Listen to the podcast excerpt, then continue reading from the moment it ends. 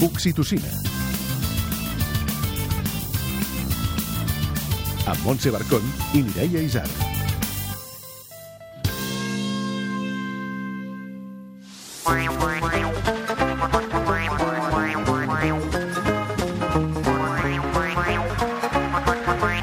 Esteu enganxats a la nova sèrie de TV3 si no t'hagués conegut? Doncs avui, al Tu, Tots, Tothom, una de les seves protagonistes, l'Andrea Ros, ens explicarà com és la seva maternitat. La Cris Moé, assessora de lactància i porteig i trimara, ens animarà a recuperar l'activitat física i a cuidar-nos encara que ens sembli que no tenim temps. Això és un miracle, no és que no tinguin temps, això és un miracle. Això fa una mandra que no vegis.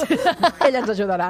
En Xavi Cadorla ens regalarà uns quants riures a Maconi i les Mama Proof i la Laia del Culturista ens donaran idees per fer aquest cap de setmana amb els nostres fills. També tenen temps per un conte d'un minut amb la Mont Mas i per les lliçons de l'ofici d'educar d'Elisabet Pedrosa. I tot això amb la gràcia i la bogeria de L'oxitocina! Yeah!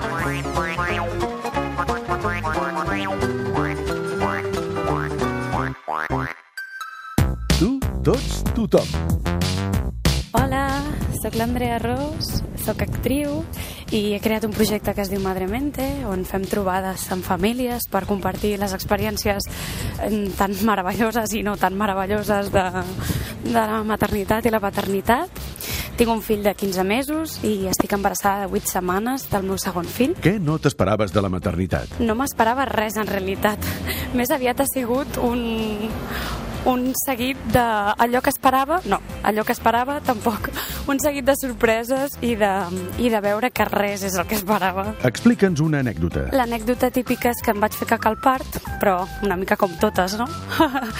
I, bueno, la part més divertida de tot això és veure el meu fill com descobreix les coses i com, i com juga sol. M'agrada molt veure el ju- jugar sol i, i veure com, com s'inventa el seu món.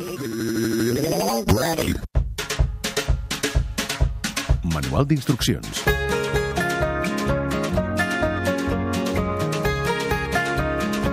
Convertir-nos en família canvia moltes, coses. Moltes. Moltes, moltes. Què us hem de dir, no? Una d'elles és que sovint no trobem un forat per a nosaltres dins del calendari setmanal. Els únics moments que són per nosaltres, i ara no rieu, però és veritat, són quan anem al lavabo a la feina, si és que hem tornat a treballar.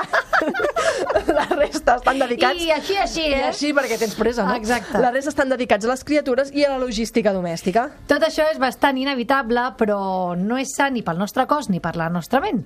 Per això avui la Cris Moé volem eh, buscar amb ella estratègies per recuperar-nos a través de l'esport. Cris Moé, assessora de lactància i porteig, autora del blog Mareta Meva i community manager de l'ACTAP. Bon dia. Hola, què tal? Hola, què tal l'altre cop? Ens hi posem? Vinga.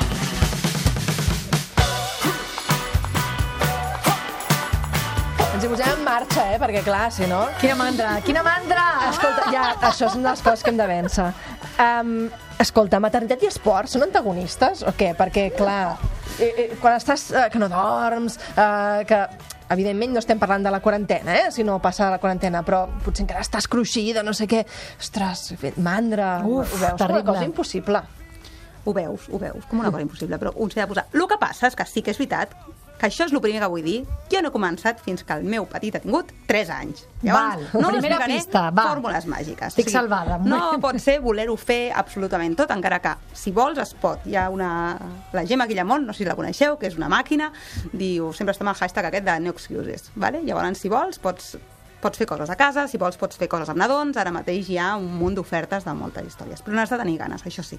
Home, i a vegades fins i tot surti, surten a les notícies allò, una, una maratoniana donant el pit després de la marató, no? Clar, esportistes d'elit també veiem que fan coses d'aquestes. Creus que aquestes imatges són bones, eh, que les veiem, o perverteixen una mica la idea del postpart, veure que una tia ja està podent uh, fer un esport a alt nivell uh, just uh, poc després de parir? Jo crec que és bo en el sentit de que ah, li, dona llibertat a la dona al final, no? Uh, vull dir, ja se sap que aquesta maratoniana no és una nena que acaba de començar, sinó que és un estil de vida el que té aquesta noia. Per tant, ella ja sabrà, no? I ella ja s'haurà posat les piles i ella ja tindrà un periné potent perquè ja l'hauran ensenyat els seus entrenadors a, a, a cuidar-se. El problema nostre sempre ha estat que ningú ens ha dit ni on teníem el periné.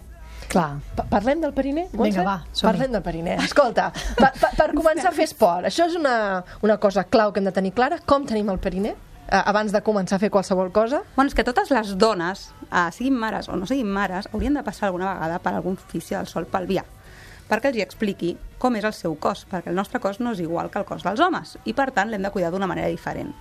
Des de petita sempre ens hem aixecat no, al gimnàs del col·le a fer els cross, a fer no sé què, però ningú ens ha dit que tenim uns músculs de més, no són uns músculs de més perquè els homes també els tenen, però que, que subjecten tots els nostres òrgans i que si aquests músculs es fan pols, doncs um, això de, com, com, no diré la marca, les compreses aquestes pels pipis que surt una super mega famosa somrient Sí, sí, molt contenta, doncs no és normal, no està bé pixar-se als 50 anys.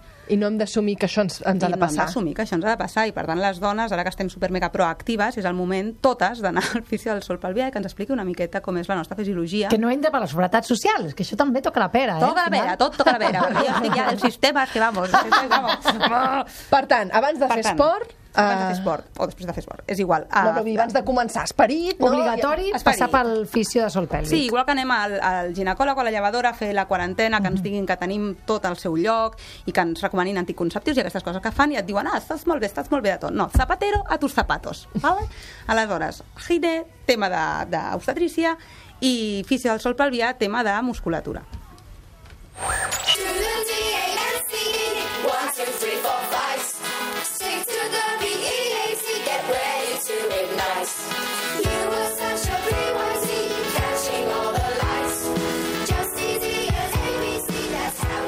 Per on hauríem de començar? Clar, tu ara, el teu, gran, el teu petit té 3 anys i has començat amb coses molt intensives, o estàs fent coses intensives, molta muntanya, eh, difícil, eh, exigent, crossfit... Eh, Clar, però ella abans ja clar, devia tenir una bona forma abans física. d'arribar a No, aquest, no, a aquest no. punt, per, per on hauríem de Sí, començar? jo soc una mica no... radical, llavors no em poseu massa d'exemple perquè ja No, però estem parlant amb tu perquè ens donis consell. No volem arribar a pujar un 3.000. No, no, no, no.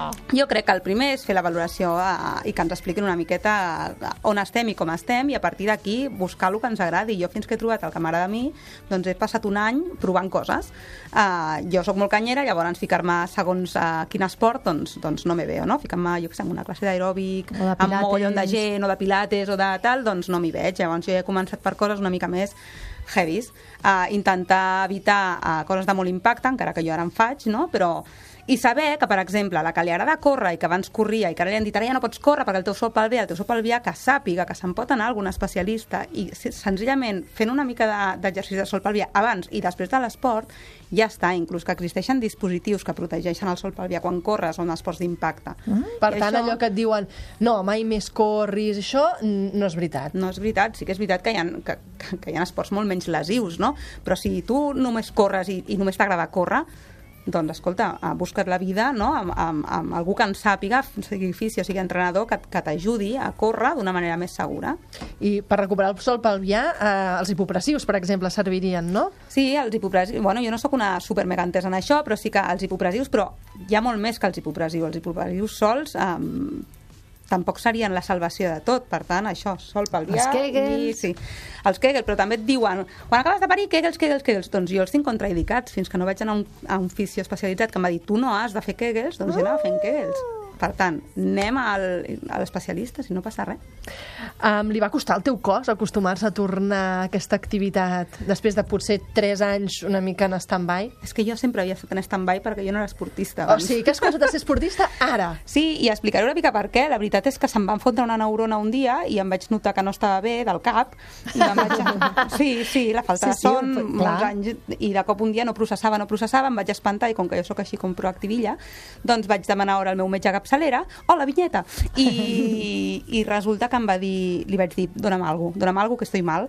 Llavors em va dir... Jo vaig fer el mateix, eh? Encara es deuen Me recordar. hago, no? no, que estoy muy mal. Coses fortes, dona'm, que estic molt cansada. I em va dir, però tu, tu ets trimara, no? Em va dir, dic, sí, sí, sóc trimara. I aleshores em va dir, tu el que et fa falta és fer esport. I jo em vaig posar com una energúmena. Fer esport, però si estic tot el dia amunt i avall amb els nens, eh, tipus. portejo i me'ls penjo a l'esquena i pujo fins a Can Caralleu i no sé quantes històries. I em va dir, deixa't, necessites un temps per tu per dedicar-te a fer esport i a crear endorfines i benestar. I si en tres mesos no et funciona, tornes i veiem què fem. I així ho vaig fer. I realment va funcionar. I em vaig viciar massa. Ja no has parat, eh? No, ara n'he parat.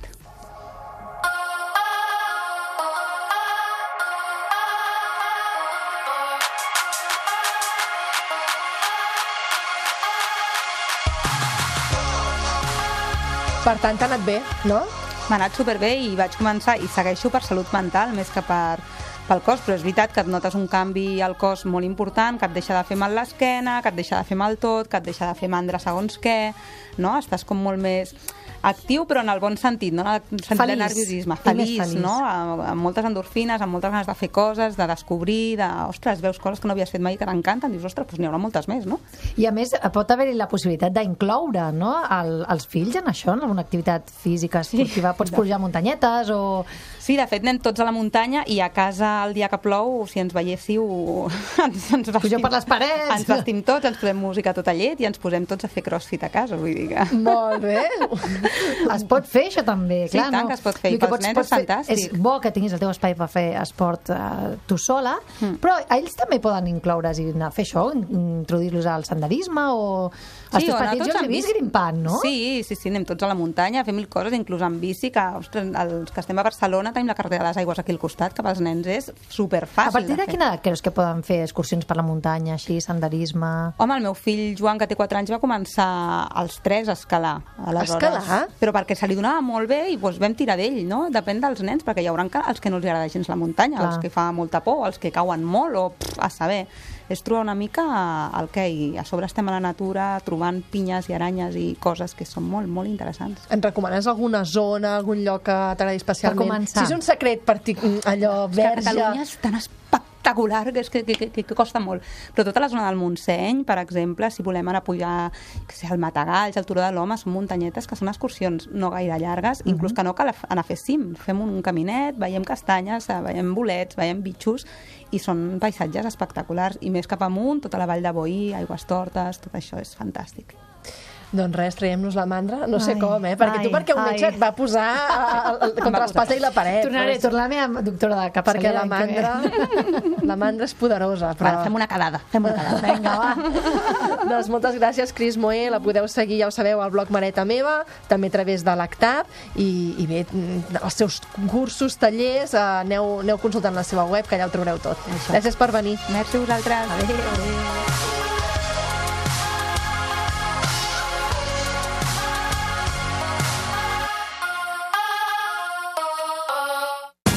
Coni.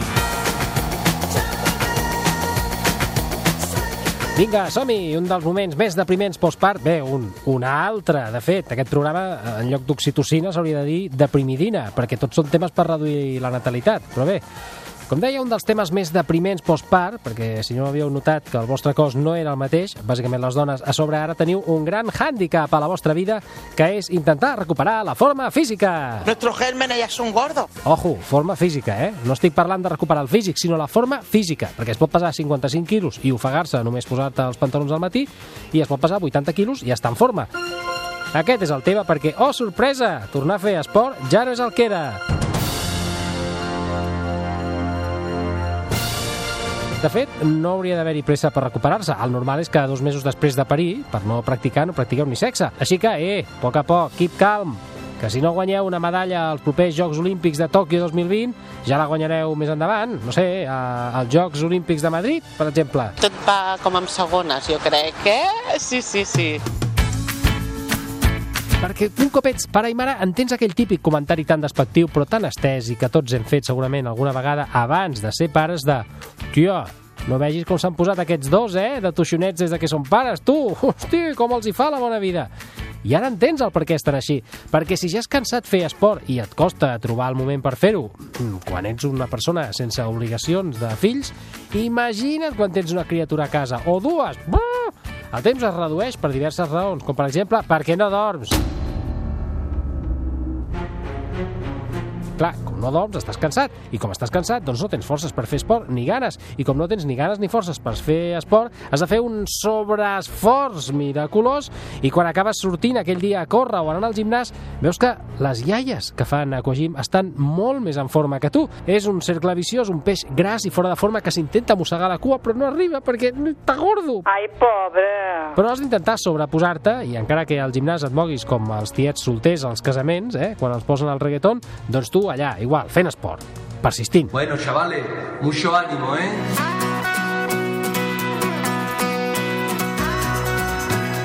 Encara recordo el primer dia que la meva dona va tornar a fer esport després del part, hauria de ser uns 5 mesos després d'haver parit, vam fer un partit de pàdel amb uns amics, Muy interesante. vam fer el pena, absolutament, jo no m'aguantava els pets i ella es pixava. Es pixava no de veure que jo m'aguantava els pets, que també, sinó que es pixava literalment. A cada punt em venia i em deia, se m'escapa el pipí.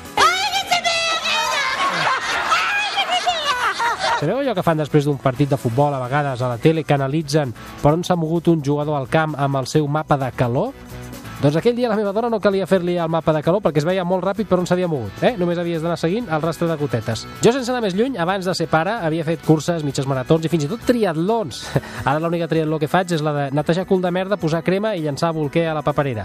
Llavors, què passa? Per què no fem esport? Ui, perquè hi ha aquella mania que tenim alguns de voler passar temps amb els nostres fills i no volem estar gaire estona sense ells, ni per sortir a córrer, perquè clar, amb una baixa de merda de 5 setmanes, arriba a estar a casa i només faltaria que ara no puguis estar amb ell perquè te n'hagis d'anar a fer esport. Home, doncs no. Però hi ha una alternativa, la de fer esport quan els teus fills dormen. Això és bàsicament córrer les nits. Durant l'hivern tens moltes probabilitats de palmar perquè fa molt fred, tu et mous lentament i és molt probable que als 100 metres estiguis més tieso que Walt Disney. I per tant hem d'anar a córrer al matí, que també fa fred, eh? I a més vas zombi per no haver dormit la nit anterior. Hosti, són tot avantatges. Per tant, el meu consell és que us esborreu del gimnàs i eh, vareu les bambes de running i aneu tenint fills. Molts fills, moltíssims fills, home. I quan en tingueu, jo que sé, 6, 7 o 8, si voleu fer esport de veritat i posar-vos en forma, sortiu al carrer amb tots els nanos, tots, i intenteu que no se us escapi cap, que tots sobrevisquin. Perseguiu-los a tots. En dos mesos perseguint nens, podreu mirar a Usain Bolt pel retrovisor. O us emporteu a la criatura a fer esport i en dos anys eh, tenir un fill com l'Arnold Schwarzenegger, però amb pipa.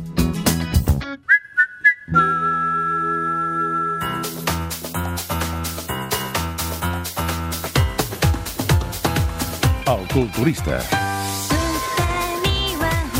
Noies, perdoneu, però aquesta setmana no podré venir. Estic embolicada amb el, la segona edició del Petit Festivalet Culturista, que aquest any el fem al Museu del Disseny i porta moltíssima feina.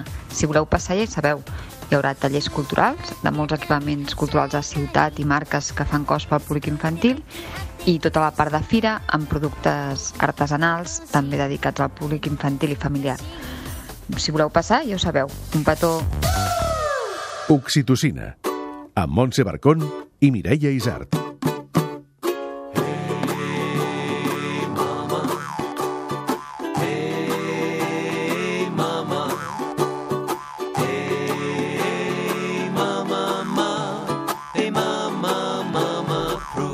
Aquestes molles de matalàs musicals sí. volen dir que ja estan aquí les Mama Proof. Fan ballar. Alba, sí, Alba Arnau, com estàs? Molt bé, molt bé, aquí, molt acotxada. Eh que sí? Sí, sí. Què ens portes? Us porto una pregunta. No sé si coneixeu Platja d'Aro. Mira, estiuejo Una a. Lloret de Mar des de petita, imagina't. Doncs anem a Platja d'Aro, va.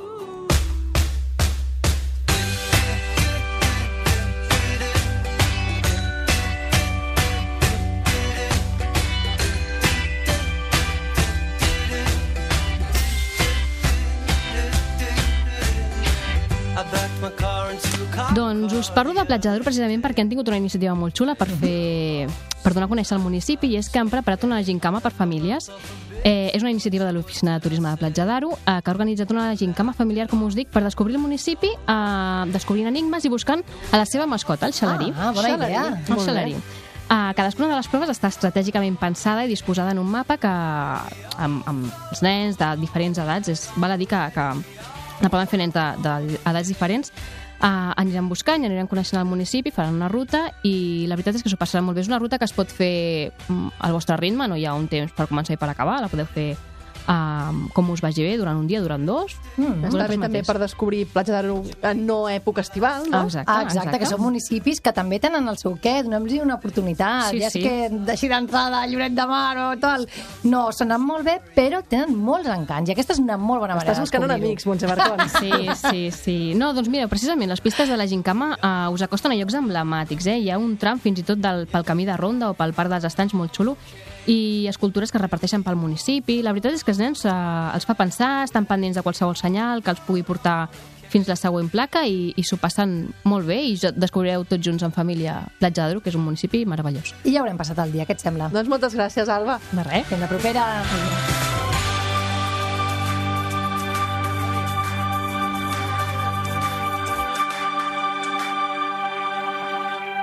I ara l'Elisabet Pedrosa, de l'Ofici d'Educar, ens ha deixat un missatge. El ioga ajuda els nens relaxar-se, això ja ho sabíem, però es veu que també els ajuda a estudiar. Ens ho ha explicat la professora de ioga, Ariadna Civil, que ha fet ioga amb els seus fills i que és autora del llibre Taller del ioga. De petitets, doncs, encuriosits venien a veure què feia la seva mare, quines postures, i després em, em demanaven fer aquesta activitat abans d'anar a l'escola i fèiem una estoneta petita, abans d'anar a dormir també, i moltes vegades em demanaven per estudiar, per eh, moments que havien doncs, de memoritzar i poder gravar la memòria, eh, tots aquells continguts em demanaven doncs, si sabia alguna pràctica, alguna tècnica de ioga, o perquè quan estic relaxat tinc més accés a la memòria. Després la concentració també és molt important, hi ha activitats doncs, que ajuden al nen a concentrar-se. La meva filla era molt dispersa, per exemple, a l'hora de fer un examen i es portava el cercle màgic, eh, que era un cercle amb un punt al mig, i abans de fer doncs, l'examen es posava a mirar aquell cercle i després doncs, podia contestar tranquil·lament les preguntes. Contes d'un minut, amb Montmàs. L'Aran és una noia que té nom de vall. Té nom de vall, però viu al capdamunt de les muntanyes. Amunt, amunt, amunt. Viu tan amunt que els núvols li pentinen el serrell. I els ocells, en lloc de volar pel damunt del seu cap, volen per sota dels seus peus. L'Aran és pastora d'ovelles i sap el nom de totes les muntanyes, de tots els prats i de totes les flors. Cuida els seus animals i cada matí els treu a pasturar, buscant el millor lloc amb herba fresca. Però no va la badar, ep, perquè aquest ofici és molt dur. Cal vigilar i estar alerta. De fet, a vegades, les seves ovelles podrien servir per sopar algun d'aquells animals que viu per allà dalt. De nit, guarda el ramat corrents al seu corral i per dormir somia i compta ovelles. Una, bé, dues, bé, tres, bé, quatre, bé... A la tardor les compta amb jersei de llana i quan arriba el bon temps, compta les ovelles esquilades. La pastora que conta ovelles. Inventari de contes. Joan Mitjons. Whatsapps desesperats.